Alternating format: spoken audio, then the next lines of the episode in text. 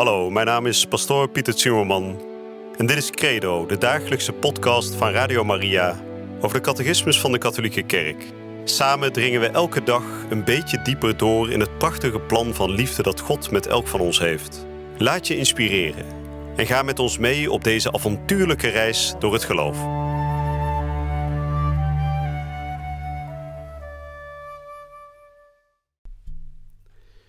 Vrienden, van harte welkom terug bij Credo, de dagelijkse podcast hier bij Radio Maria.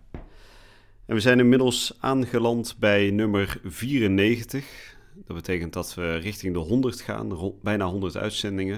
En dat is mooi nieuws. Dat betekent dat we goed bezig zijn, om het even in de taal van onze tijd te zeggen. We zijn goed bezig, want we zijn al een heel eind gevorderd in het eerste deel van de catechismus. En we zijn heel systematisch alle kleine facetten van ons geloof uitgebreid aan het belichten. En we zijn inmiddels aanbeland bij het proces dat heeft geleid tot de kruisdood van Jezus. We hebben gehoord dat we daar niet alle Joden de schuld van kunnen geven. We kunnen kijken natuurlijk naar dat handjevol mensen wat heel nauw betrokken was bij de kruisdood van Jezus. Maar zelfs daarvan weet alleen God in, hoe, in welke mate ze echt uh, die schuld aan te rekenen is, of in welke mate het onwetendheid was. Maar we gaan vandaag spreken over iets waar we wel zeker van zijn dat we het kunnen zeggen, namelijk dat alle zondaars verantwoordelijk zijn voor het lijden en de dood van Christus. En dat betekent dus alle mensen die er ooit geleefd hebben. Alle mensen op twee mensen na natuurlijk, hè, Jezus zelf en zijn moeder Maria, die zonder zonde zijn. We gaan vandaag erover spreken wat dat betekent. Alle zondaars, dus ook de zondaars die na Jezus nog geleefd hebben. Allemaal zijn ze schuldig aan de dood van de Verlosser.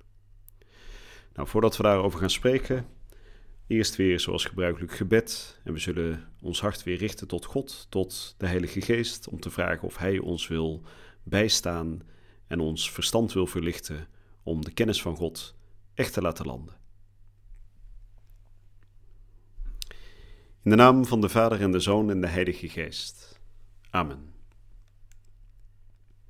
Kom, Heilige Geest, vervul de harten van uw gelovigen en ontsteken hen het vuur van uw liefde. Zend uw geest uit en alles zal worden herschapen. En gij zult het aanschijn van de aarde vernieuwen. God, gij hebt de harten van de gelovigen door de verlichting van de Heilige Geest onderwezen. Geef dat wij door diezelfde Heilige Geest de ware wijsheid mogen bezitten en ons altijd over Zijn vertroosting mogen verblijden door Christus onze Heer. Amen. Ik zal vandaag voorlezen de nummers 598 tot en met 603. Alle zondaars zijn verantwoordelijk voor het lijden van Christus. De kerk heeft in de officiële verkondiging van haar geloof en in het getuigenis van haar heiligen nooit vergeten dat de zondaars zelf de veroorzakers en de uitvoerders waren van alle straffen die de goddelijke verlosser moest verduren. Rekening houdend met het feit dat onze zonden Christus zelf raken, aarzelt de kerk niet de christenen het meest verantwoordelijk te stellen voor het ter dood brengen van Jezus. Een verantwoordelijkheid die zij maar al te vaak alleen op de Joden afgeschoven hebben. Voor deze schuld moeten al diegenen verantwoordelijk gesteld worden die telkens opnieuw tot in zonde vervallen.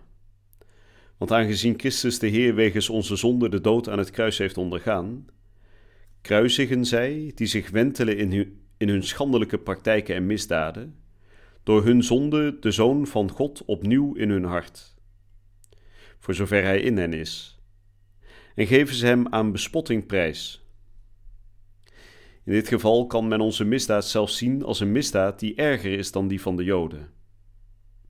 Want als zij, zoals de apostel getuigt, de Heer der Heerlijkheid gekend zouden hebben, zouden ze hem niet gekruisigd hebben. Wij daarentegen zeggen hem te kennen, en toch verloochenen wij hem in onze daden, en slaan zo in zekere zin onze moorddadige hand aan hem. En het zijn niet de duivels die hem hebben gekruisigd, Gij zijt het die samen met hen, hem gekruisigd hebt, en nog kruisigt door vreugde te vinden in zonde en ondeugde. De verlossende dood van Christus in het goddelijk helsplan. Jezus is overgeleverd volgens Gods vastgestelde raadsbesluit.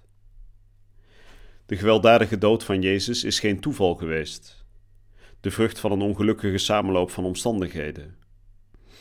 Zijn dood behoort tot het mysterie van Gods helsbeschikking, zoals Petrus vanaf zijn eerste Pinksterpreek de Joden van Jeruzalem uitlegt.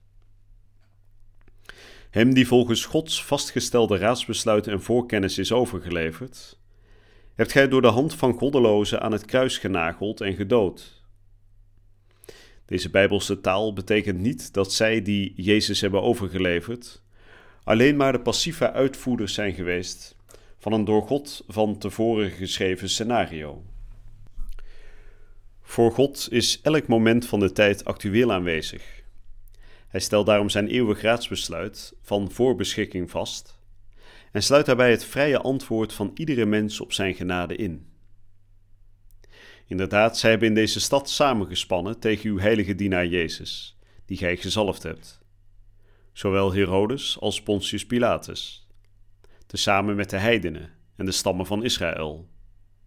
Om alles te doen wat uw hand en raadsbesluit tevoren bepaald had dat geschieden moest. God heeft de handelingen die uit hun verblinding voortkwamen, toegelaten om zijn helsplan te verwezenlijken. Gestorven om onze zonde volgens de schriften. Dit goddelijk helsplan, dat zich door de terechtstelling van de rechtvaardige dienstknecht zou voltrekken, was tevoren in de schrift aangekondigd als een mysterie van universele verlossing.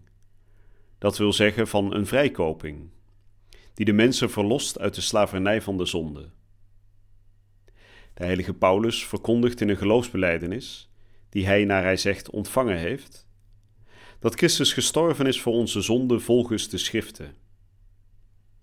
De verlossende dood van Jezus vervult in het bijzonder de profetie over de lijdende dienaar.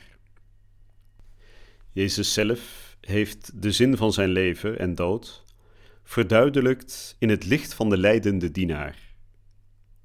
Na zijn verrijzenis heeft hij deze verklaring van de schrift aan de leerlingen van Emmaus gegeven en vervolgens aan de apostelen zelf. God heeft hem voor ons tot zonde gemaakt. De heilige Petrus kan bij gevolg het apostolisch geloof in het goddelijk helsplan zo formuleren. Gij zijt verlost uit het zinloze bestaan dat gij van uw vaderen had geërfd, door het kostbaar bloed van Christus het lam zonder vlek of gebrek, dat uitverkoren was voor de grondlegging der wereld. Maar eerst op het einde der tijden is verschenen om uwentwil. De zonden van de mensen die volgen op de erfzonde worden bestraft door de dood. Door zijn eigen zoon het bestaan van een slaaf, namelijk van een menselijke natuur die door de zonde gevallen is en overgeleverd is aan de dood, te laten aannemen, heeft God hem voor ons tot zonde gemaakt. Hem die geen zonde heeft gekend, opdat wij door hem Gods eigen heiligheid zouden worden. Jezus heeft de veroordeling niet gekend, als had hij zelf gezondigd. Maar in de verlossende liefde die hem altijd met de Vader verenigde, heeft hij ons, toen wij door de zonde van God afgedwaald waren, aangenomen, zodat hij in onze naam op het kruis kon zeggen: mijn God, mijn God, waarom hebt gij mij verlaten? Na zijn lot zo met dat van ons zondaars verbonden te hebben, heeft God zelfs zijn eigen zoon niet gespaard, maar heeft hij hem voor ons allen overgeleverd, opdat wij met God verzoend zijn door de dood van zijn zoon. Nou, dat waren de nummers voor vandaag. Vandaag hebben we dus gehoord dat alle zondaars verantwoordelijk zijn voor het lijden van Christus. Ja, hoe kan dat? Um, je kunt natuurlijk zeggen, ja, Jezus is 2000 jaar geleden gekruisigd. Hoe kan hij dan ook gekruisigd zijn voor zonden die nog na dat moment uh, zijn bedreven? Nou, daar zegt nummer 600 heel duidelijk over. Voor God is elk moment van de tijd actueel aanwezig. God staat buiten de tijd, dus hij kan alle eeuwen overzien. En daarom zijn alle zonden voor de komst van Christus, maar ook na de komst van Christus, hebben allemaal bijgedragen aan die kruisdood. En dan zegt de catechismus zo duidelijk: op het moment dat wij zonde doen, dan kruisigen we Jezus in ons hart, hè, voor zover hij in ons hart leeft. En dat betekent dus dat wij, zeker als christenen, als katholieken, een extra grote verantwoordelijkheid dragen. Daar spreekt de catechismus net ook over. We kunnen wel zeggen, de Joden zouden Jezus hebben vermoord. Maar het is zo dat het juist de christenen zijn die een grotere verantwoordelijkheid dragen. Want zij zeggen Jezus te kennen. op het moment dat wij beweren Jezus te kennen en we zondigen toch nog steeds, ja, dan wordt de zonde natuurlijk alleen maar groter. want dan zondig je ook heel bewust. Maar, en daar ligt natuurlijk onze hoop, en dat is het stukje, het laatste stukje dat we vandaag hebben gehoord. God heeft Jezus tot zonde gemaakt. Een beetje een vreemde uitspraak, maar wat bedoelt de catechismus daarmee?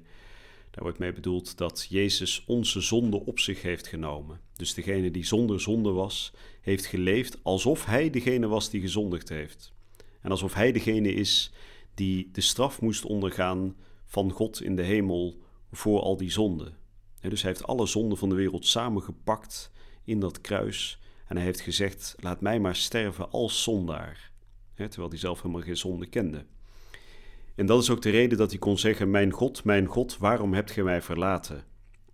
dat is de uitspraak die Jezus doet aan het kruis, wetende natuurlijk dat God hem nooit verlaat, maar hij heeft de verlatenheid van de zonde aangenomen. En in die zin maakt hij door wat de zondaars doormaken, want een zondaar is iemand die losleeft van God. dus in die zin heeft God hem verlaten omdat God hem straft alsof hij de zondaar was. Nou, prachtig, diepzinnig mysterie natuurlijk, het mysterie van onze verlossing.